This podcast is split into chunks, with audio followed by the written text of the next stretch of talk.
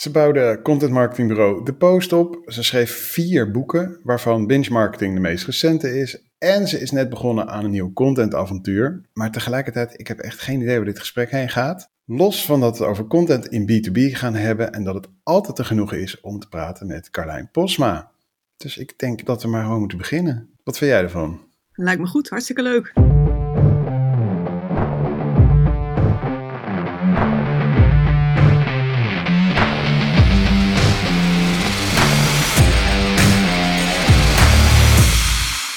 Hey, uh, tof dat je weer luistert naar de B2B Content Podcast die ik maak in samenwerking met Marketing Facts. En ik zit hier met Carlijn Posma. Hey, welkom. Dankjewel, dank voor de uitnodiging. Ja, hey, ik, ik las net je bio voor uh, en dat is nogal een bio. Uh, ik heb het ook allemaal van dichtbij gevolgd, want jouw eerste bedrijf zat echt letterlijk gewoon bij mij in de wijk. Oh ja, dit is zo ja. Mede Assendorpers. Ja. Maar je bent na al die avonturen dus weer solo nu? Ja, ja, heerlijk. Ja, lekker hè? ja. Ja, ik ben al sinds 2003 solo, dus ik, ik weet hoe dat voelt. Oh ja, ja ik begon uh, solo in 2006 volgens mij. 2006, oké. Okay. Ja, in 2007 ja. was het dan niet meer solo en toen groeide het door en door en door. En op een gegeven moment uh, hadden we 20 mensen. Toen was het tijd voor opnieuw solo. Ja, nou ja, precies. Dat zijn de Chinezen. Als ze in elkaar willen vervloeken, dan zeggen ze: Ik wens je veel personeel. Ja, ja, ja. Nou, maar serieus, het was natuurlijk een, een, een mooie tijd. Laat ja, het absoluut. Zo. En uh, ik denk ook best wel een uniek bureau. Tenminste, destijds toen het de Post werd. Echt wel een, een, een uniek concept. Echt een journalistieke manier van naar content kijken. Ja, tegenwoordig kijken we er niet meer van op. Maar toen was het echt wel nieuw. Nee, dat klopt. Ik denk, want het was 2012 dat we echt, uh, echt content marketing gingen bedrijven. En ik weet nog wat, ik die eerste klanten, we hadden natuurlijk klanten, want we waren al een bureau. Maar dat we ze echt mee moesten nemen. En, uh, ja, en ik, keek, ik keek veel naar Amerika, naar het Content Marketing Institute. En natuurlijk een van de grondleggers. En zij begonnen, nou ja, laten we zeggen, Joe Politie begon in 2007 volgens mij met, met uh, het roepen van de, de term. En in 2011 was dat allereerste congres. Waar, waar zeg maar over de, van, ja, vanuit de hele wereld mensen naartoe kwamen, het Content Marketing World. En in 2012 begonnen wij er in Nederland mee. En, en ja, ik denk inderdaad dat het wel een van de, de. We waren wel een van de eerste die daar, uh, die daar echt actief en ik denk wel in een soort van um, basisprincipe mee aan de slag gingen. Ja, ja dat, dat, is ook hoe ik het me herinner. Dat zeg ik. Ik, ik was erbij. Ja. Ik was op de borrel. Oh ja, dat, nou, daar, hadden we, daar hadden we er best wat van. In de mosterdfabriek was het destijds. Ja, ik heb, er, nee, ik heb er twee meegemaakt. Zo. Het was niet dat ik, dat, ik, uh, dat ik continu bij jullie aan de top hing. Maar ik, ik, volgens mij de presentatie van de Post, het nieuwe merk, daar was ik bij. Ah, heel goed. Uh, ja. Nou, fast forward naar nu. Uh, nou, ik, ik zeg, je bent op een nieuw avontuur. Je bent weer solo. Kun je daar iets over vertellen? Ja, ja, ja. Um, nou, ik heb eigenlijk is het ongeveer twee jaar geleden dat, dat ik de post ook verkocht. Um, met name vanuit het idee, uh, ik, was, ik was klaar eigenlijk met bouwen. Ik was klaar met bouwen aan de post. Ik kon zelf niet heel veel verder ermee. Um, ik denk ook wel dat ik wel weer verlangde naar uh, gewoon echt met het vak inhoudelijk bezig zijn en minder met, uh, met de romslomp van een bedrijf. En precies wat je zegt, het was echt het was een briljante tijd. Het is echt heel erg leuk en, en zoveel van geleerd en zoveel ontmoetingen en, en dingen gedaan, neergezet. Maar ja, op een gegeven moment is het dan toch wel, nou, kriebelde het wel om, om echt weer terug het vak in te gaan. En toen hebben we het verkocht. En nou ja, eigenlijk sinds oktober vorig jaar heb ik ook uh, geen werkzaamheden meer voor, voor de post. En, en, en dan ga je, ja, dan ga je nadenken. wat ga ik dan doen? Wat is, mijn, wat is mijn pitch als ik ergens binnenkom? Nou, die heb ik nog steeds niet helemaal strak. maar dat is best een lastige. Want je was natuurlijk altijd eigenaar van de post. Ja, ja. Dat, dat stuk identificatie, zeg maar, dat valt gewoon weg. Ja. Maar ik heb, um, weet je, ik denk dat als je, als je even je hoofd gewoon leeg hebt met alle structuren die je had, dan komt daar gewoon vanzelf weer wat. En, en nu kwam toch gewoon, ja, heel stiekem kwam gewoon weer helemaal die kriebel terug van wat ik ooit neerzette, dus de Bindacademie. Ik weet niet of je dat ook nog hebt gevolgd. Dat was nog voor. Uh, ja, uh, zeker. Voor en tijdens de post. Maar dat was natuurlijk vooral mensen leren hoe, hoe je met social uh, omging. Maar dat was 2010, 11, 12. Ja, en ze weten het nog steeds niet dus.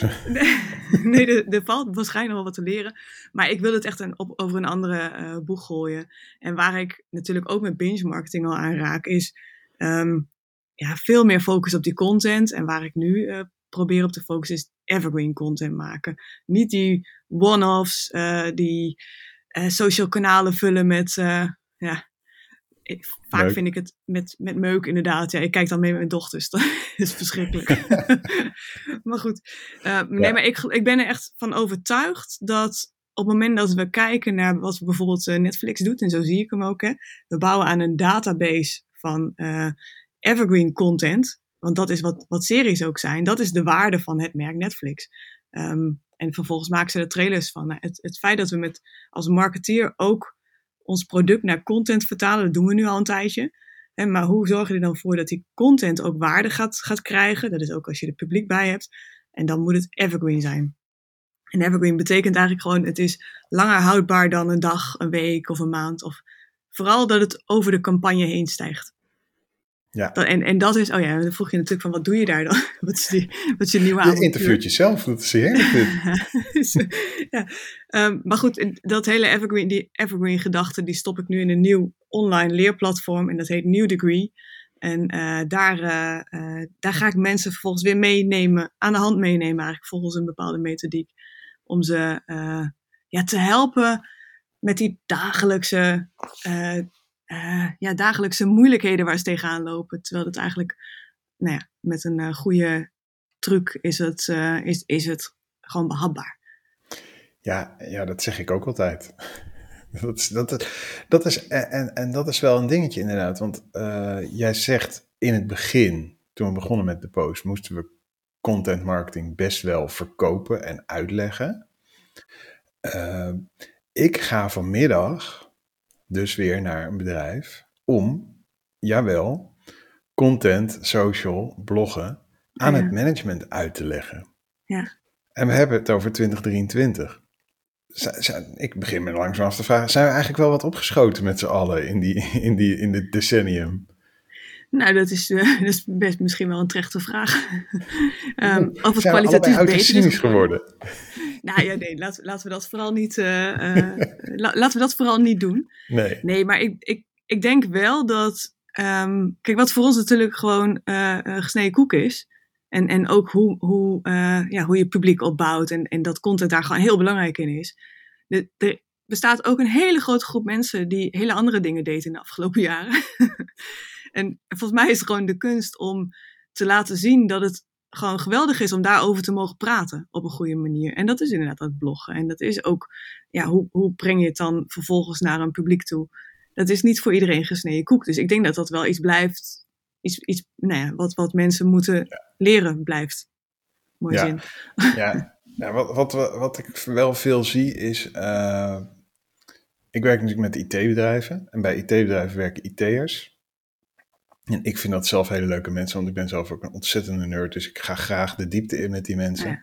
Maar uh, de, de vraag van het publiek en van de klant is wel veranderd ook. Ik denk dat we, als je tien jaar geleden iets met content ging doen, dan kon je heel goed eigenlijk je blogje laten schrijven door iemand als ik of door een bureau. Of, of uh, je kwam vrij goed weg met, met best wel algemene content.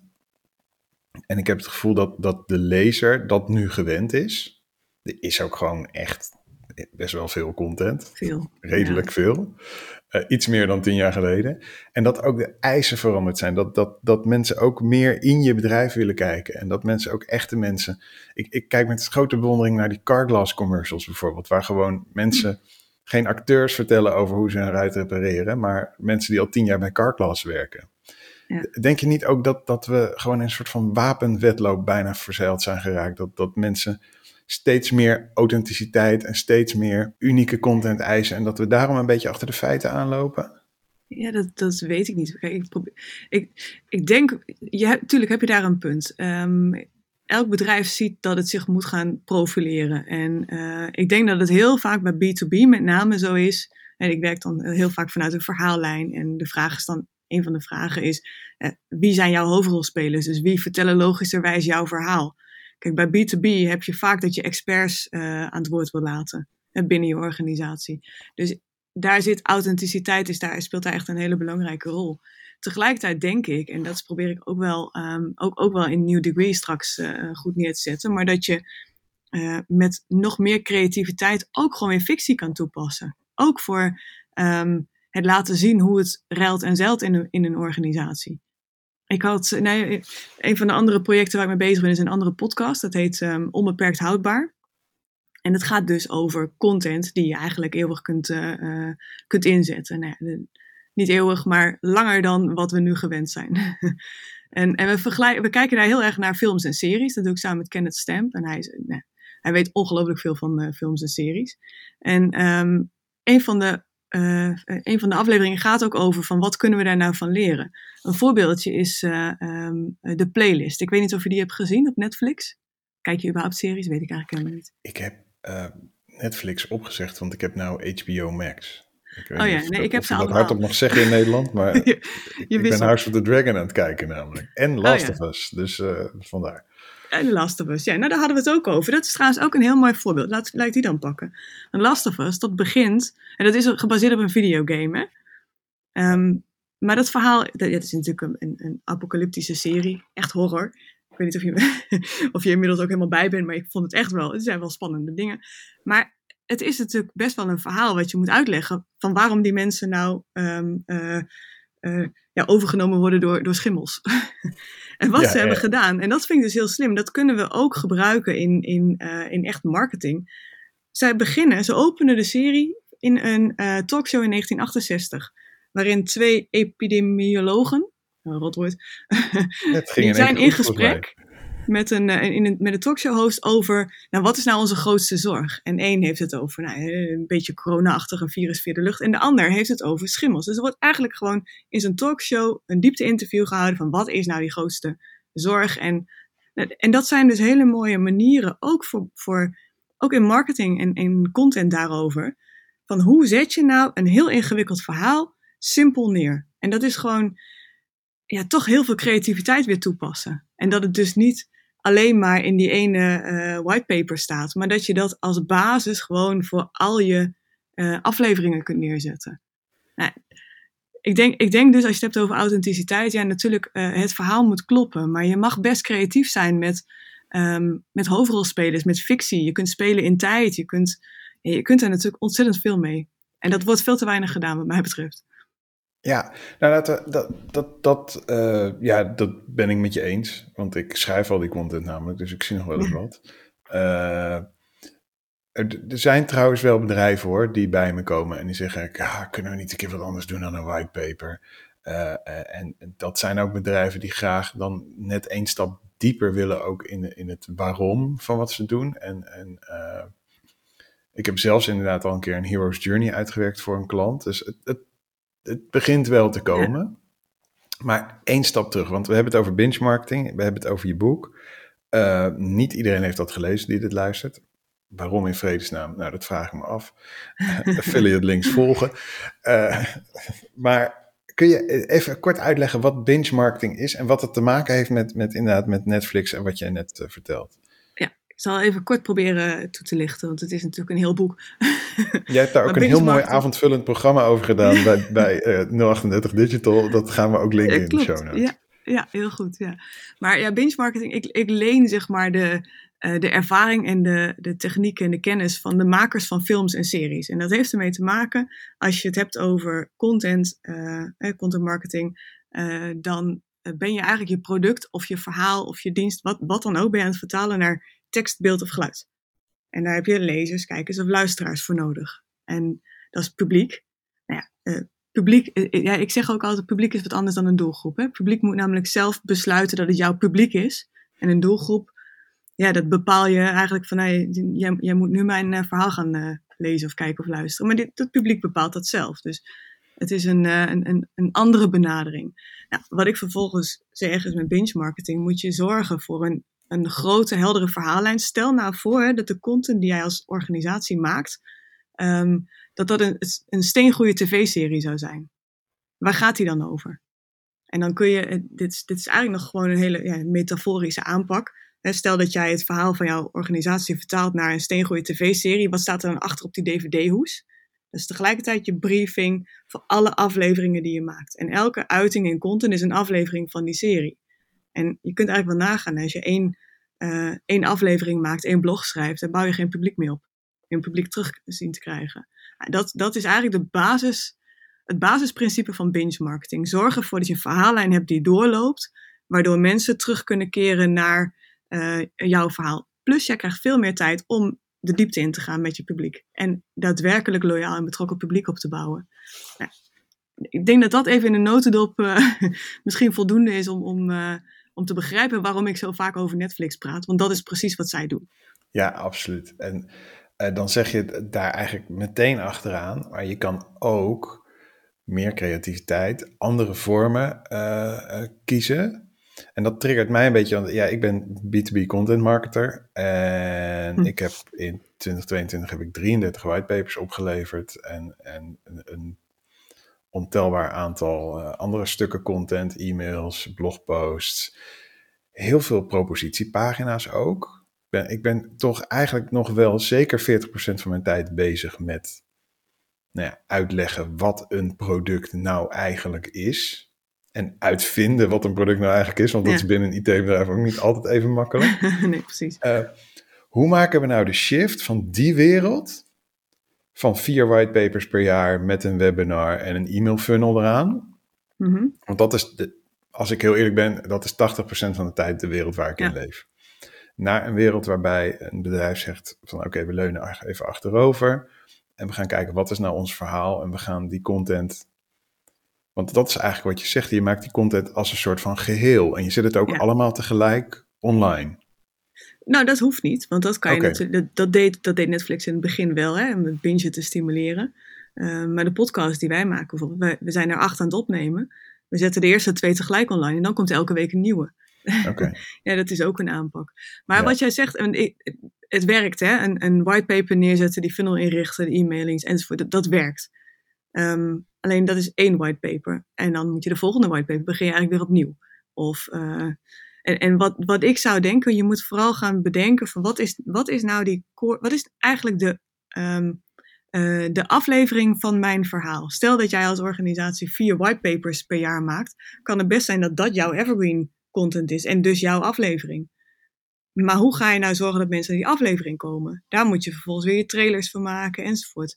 En ik, ik, verwijs natuurlijk vaak naar video voorbeelden, maar dit kan je ook in, in tekst toepassen of in audio inderdaad. Hè? Maar Um, maar ja, hoe maak je die shift? Ik denk dat het vooral heel erg begint bij uh, het nadenken over het feit dat ook in B2B een bedrijf aan die branding moet doen. En niet alleen maar die productproposities moet uh, doorvoeren. Want jij kunt, als jij als, als merk gewoon in het hoofd van het publiek zit, op de juiste manier, dan kun jij veel vaker en veel meer uh, nou ja, misschien niet altijd verkopen als de machine is bijvoorbeeld, maar, maar je hebt wel een, een één op één contact en een één op één lijn met jouw publiek. En daar kun je gewoon veel meer mee dan dat je uh, alleen maar op de urgentie van het moment moet ingaan.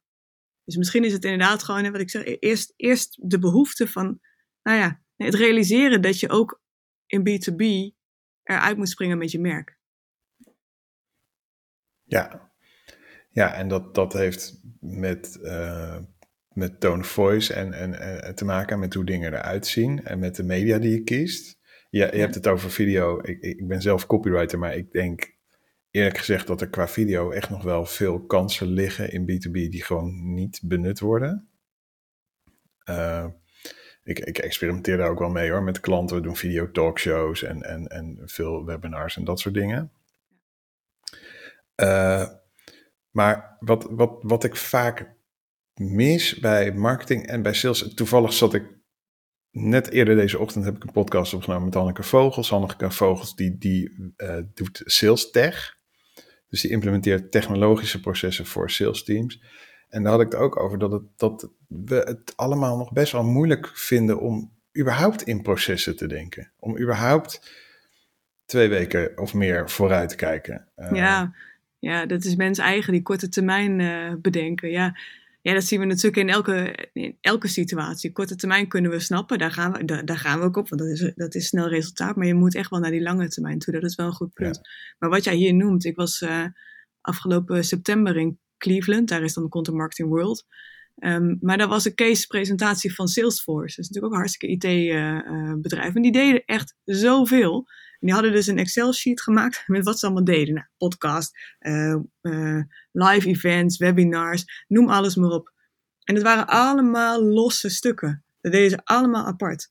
En daar hebben zij vervolgens een, een, zij hebben een streaming service gemaakt van al die content.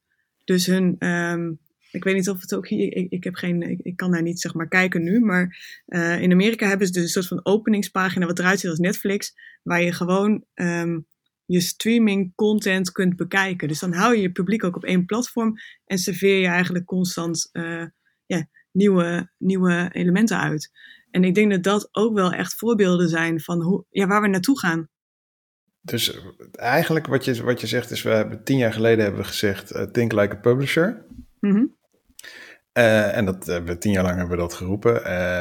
En we zijn volgens mij, zeker in B2B, nog geëindigd met home diensten, producten over ons kennisbank.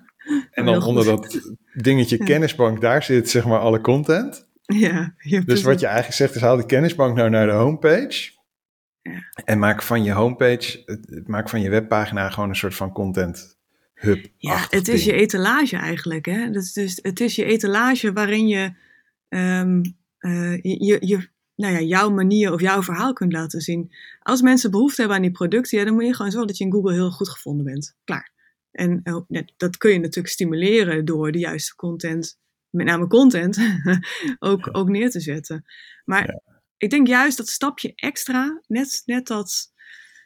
Waarom nou bij, waar, waarom kies ik voor deze in plaats van voor die andere? Dat is als je, nou en daar komt authenticiteit natuurlijk wel terug, maar ook gewoon uh, helderheid, aanwezigheid.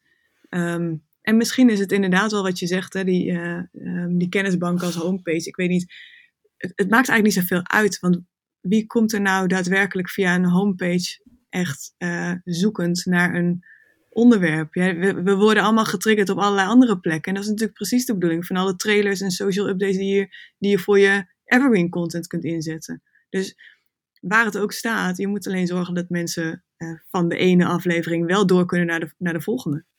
En ja. dan zou ik denken, ja, pak inderdaad en rijg al die content nou eens aan elkaar.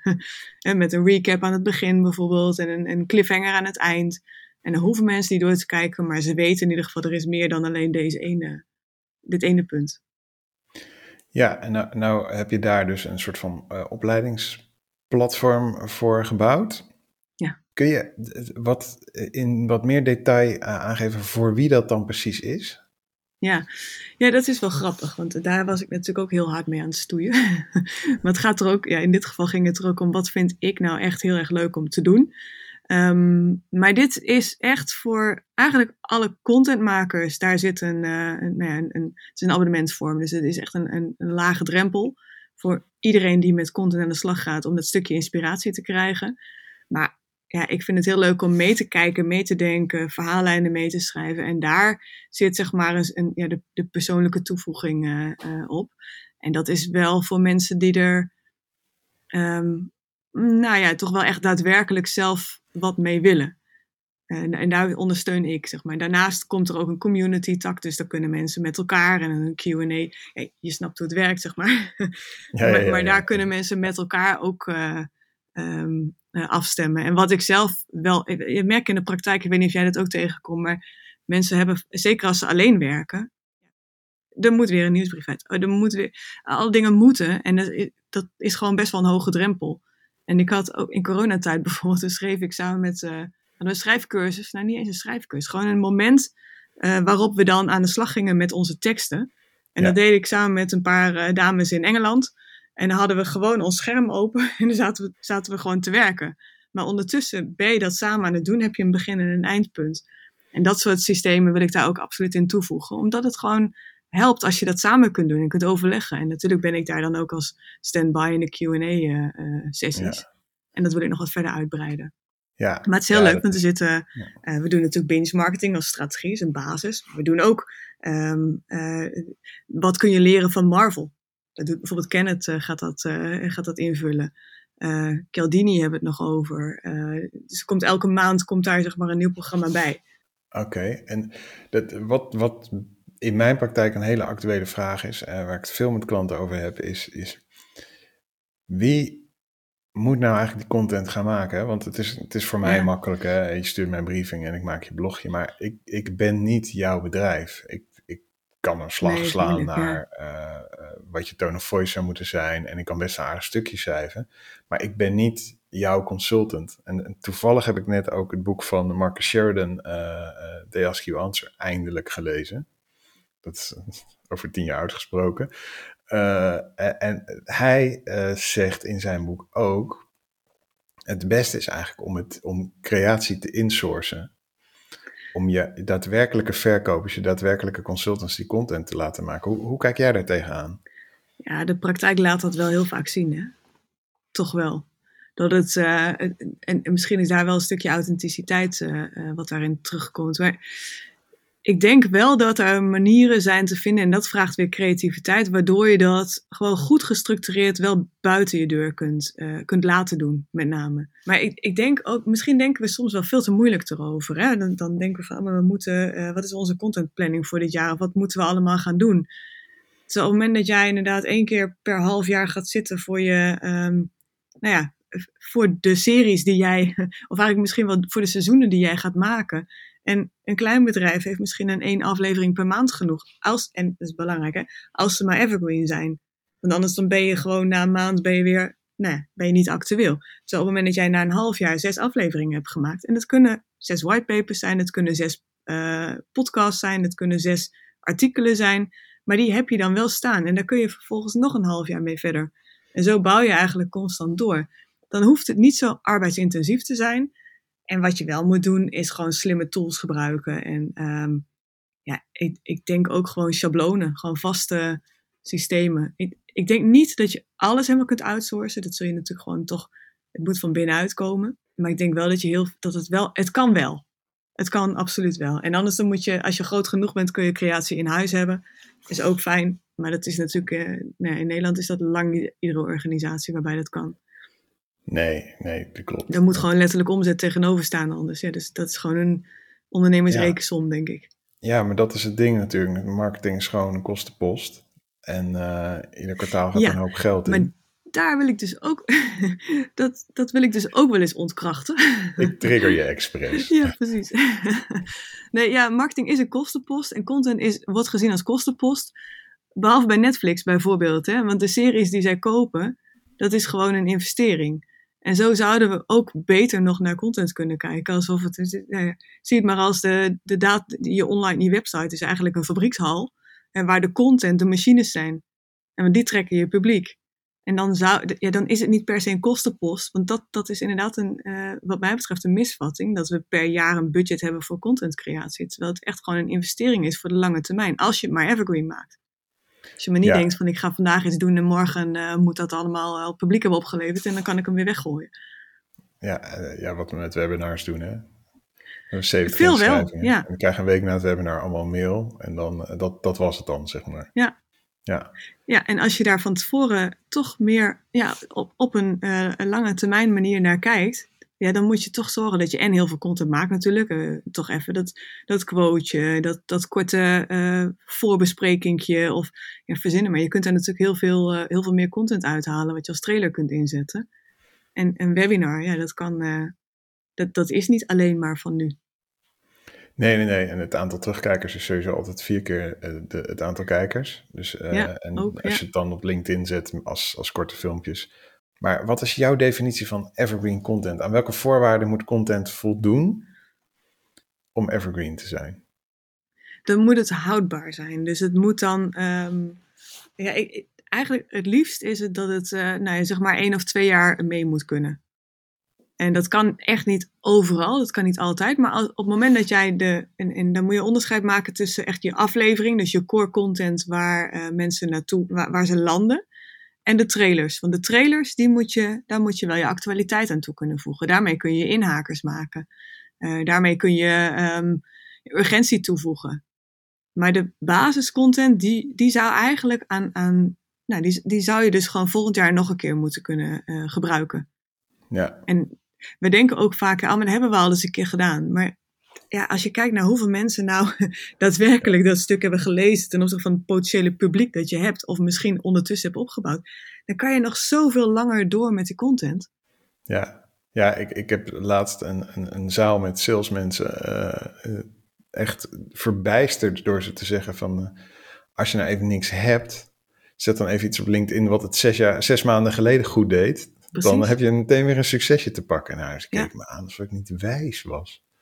Nou ja, maar een kleine, als je een andere invalshoek pakt, een andere angle om, om die, als, als zeg maar verwijzer, dat heeft echt bijna niemand in de gaten. Kijk maar eens naar hoeveel mensen daadwerkelijk doorklikken naar de pagina waar jij ze wilt hebben, ten opzichte van het aantal mensen dat die LinkedIn-post heeft gezien. Ja, dat, dat is ook. Dat, dat sowieso. En, en volgens mij, als je 5000 volgers hebt, uh, als je duizend mensen daarvan het zien, dan is het veel. Ja. En 80% daarvan weet het over een half jaar echt niet meer dat ze het al gezien hebben. Ook dat. En zeker niet als je een andere invalshoek uh, neemt in de, in de verwijzing. Nee, dus daar is echt nog een wereld te winnen. En, en ik denk oprecht dat, dat er echt heel erg veel geld en, en energie verspild wordt aan content die nou, alleen maar een maandje houdbaar is. Een campagne is net zo. Een campagne is ook zoiets dat. Waarom, waarom een campagne? Dat is, ik heb ooit gehoord dat een campagne is een, uh, is eigenlijk een interne tactiek om extra budget te krijgen om je eigen korte termijn doelstellingen te gaan halen. Ja, dat is niet zinvol voor het publiek. Daar hebben ze niks aan. Als je nu keukens in de aanbieding doet, maar ik heb nu geen keuken nodig, maar over een half jaar wel. Ja, wat heeft hij? Wat, ja, dat is trouwens een kortingsactie, dat is wat anders. Maar dat je de campagne uh, zo uh, beperkt in tijd, omdat jij doelstellingen hebt en niet omdat het publiek iets wil of moet. Ja, dat, ja, dat, ik, dat zou anders kunnen in B2B ook juist uh, altijd heel raar voelen, omdat je, uh, je hebt eigenlijk altijd al best wel een kleine doelgroep. Ja. Uh, want ja, weet je, hoeveel finance bestuurders zijn er in Nederland? hoeveel product owners bij een financiële instelling van, van 10.000 mensen of meer zijn er? Nou, dat, dat, dat zijn doelgroepen in de vier cijfers soms. Ja. En dan zijn er van die doelgroep zijn er nou als je het optimistisch opvat, dan zijn er 5% misschien concreet in de markt. Nou, misschien is het 2, misschien is het anderhalf. En dan ga je daar een campagne op draaien. Dan ga je daar 30, 40, 50.000 euro aan verbranden om content te schieten op die groep. En dan hoop je dat die 3% die klaar is om te kopen, dat die naar je toe komt. Ja, ik, ik zie het ook niet hoor. Uh, en ik denk eerlijk nee. gezegd dat mijn klanten dat ook wel snappen. Uh, maar het is wat je zegt, dat campagneritme, dat helpt enorm om, om het budget binnen te krijgen. Ja. Dat je gewoon in januari zegt, gaan deze vier whitepapers maken. En wat ze dan vaak doen, is vier whitepapers, maar ze zijn spread paper thin. Want ja. een IT-bedrijf van 200 werknemers heeft drie marketeers in dienst. Dat is eigenlijk okay, gewoon ook ja. te weinig. En wat ze dan doen is, dan maken ze vier whitepapers voor een totaal andere doelgroep over een totaal ander product. Oh ja. Dus in Q1 praten we met onderwijsinstellingen over uh, wifi en in Q2 praten we met, nou ja, zo gaat het verder. Ja, oh ja, ja. dan grappig, hebben die, ja. dus die onderwijsinstellingen, die horen in Q1 van ons en dan horen ze vervolgens negen maanden niks. Niks. En, ja. en in Q1 zijn ze weer eens aan de beurt. Ja. Uh, en die maar, andere whitepapers, hebben die dan ook nog wel, zouden die eventueel relevant zijn geweest voor schoolbestuur of niet? Ja, dat, dat vaak niet. Uh, en wat ik, wat ik dan heel vaak doe, is werken met varianten. Want wifi, iedereen heeft wifi. Dus je kunt mm -hmm. wifi voor scholen en wifi voor ziekenhuizen en wifi voor overheidsinstellingen en wifi voor banken. Ja. 90% van je content kun je hergebruiken. Maar wat jij eigenlijk zegt, is je zou vier keer per jaar een whitepaper moeten maken voor die specifieke IT-manager van die school. Dat hij vier keer per jaar denkt van, hé, hey, ze zeggen weer wat zinnigs. En dat als hij aan het eind van zijn salescyclus eens een keer komt, drie, vier, vijf jaar later, dat hij dan denkt van, hé, hey, ik heb iedere, iedere drie maanden hun whitepaper gelezen. Nu ga ik ze eens even bellen.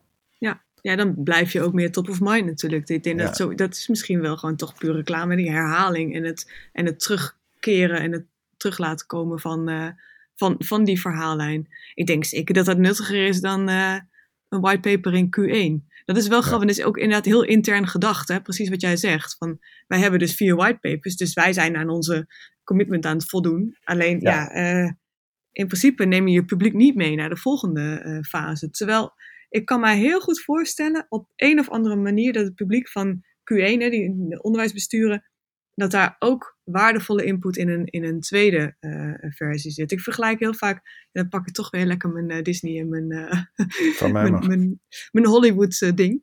Maar Marvel is natuurlijk, vind ik, altijd een briljant voorbeeld. Maar de Marvel Cinematic Universe is, ehm, dat, dat is eigenlijk een, een arena waarin diverse merken de revue passeren. Het heeft Iron Man, het heeft Thor, Captain America. En het, dat heeft allemaal eigen publiek. Black Widow heeft eigen publiek en noem ze maar op. Maar in die Avengers speelt het allemaal samen. En het is voor alle publieksgroepen is het interessant en relevant. Dus probeer ook daar eens in te kijken. Heb je nou die, hè, die vier verschillende publieksgroepen? Wat is die gemene deler, die sweet spot, waarin het overlapt? Overlapt. Overlapt. het overlapt. Er zit overlap in en het overlapt. Ja. Het, ah, Nederlands.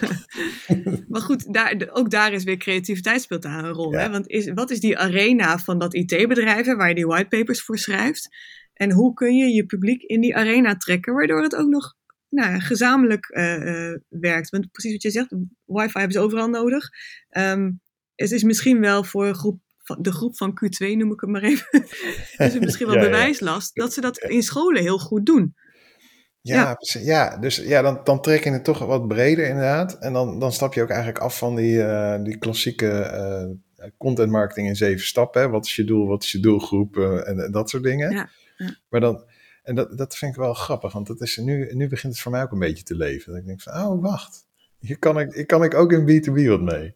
Ja, nee, absoluut. Ja, dat wordt vaak gedacht omdat ik natuurlijk heel veel voorbeelden heb van series en films. En, ja. en dan denken we van, dat zijn grote, grote consumentendoelgroepen. Uh, en dat klopt wel, want dat zijn de meest dankbare voorbeelden. Maar de, de methodiek, de metafoor, is echt eigenlijk voor alles toepasbaar. Voor B2B, B2C, non-profit. Het, het, gaat erom, eh, iedereen wil publiek hebben, maar het, het specifieke publiek. Niet iedereen over massapubliek, je hebt een niche publiek. Maar dat ja, publiek werkt nou eenmaal op dezelfde manier. Oké, ja, het, het, is ongelooflijk, maar we zijn er alweer doorheen. Ja, jammer. ja, ja. Uh, dat was hem dus weer de B2B Content Podcast. Uh, en nou, je weet het inmiddels. Wil je het meteen weten als er een nieuwe is, dan moet je naar mijn site of naar mijn LinkedIn profiel en je even abonneren op mijn nieuwsbrief. Krijg je ook iedere week uh, marketingtips gewoon direct uit de loop graven. Je kan me ook gewoon volgen op LinkedIn. Carlijn, super bedankt dat je er was. Ik vond het heel leuk. En uh, voor jou, als je geluisterd hebt, dank je wel. En ik hoor je bij de volgende.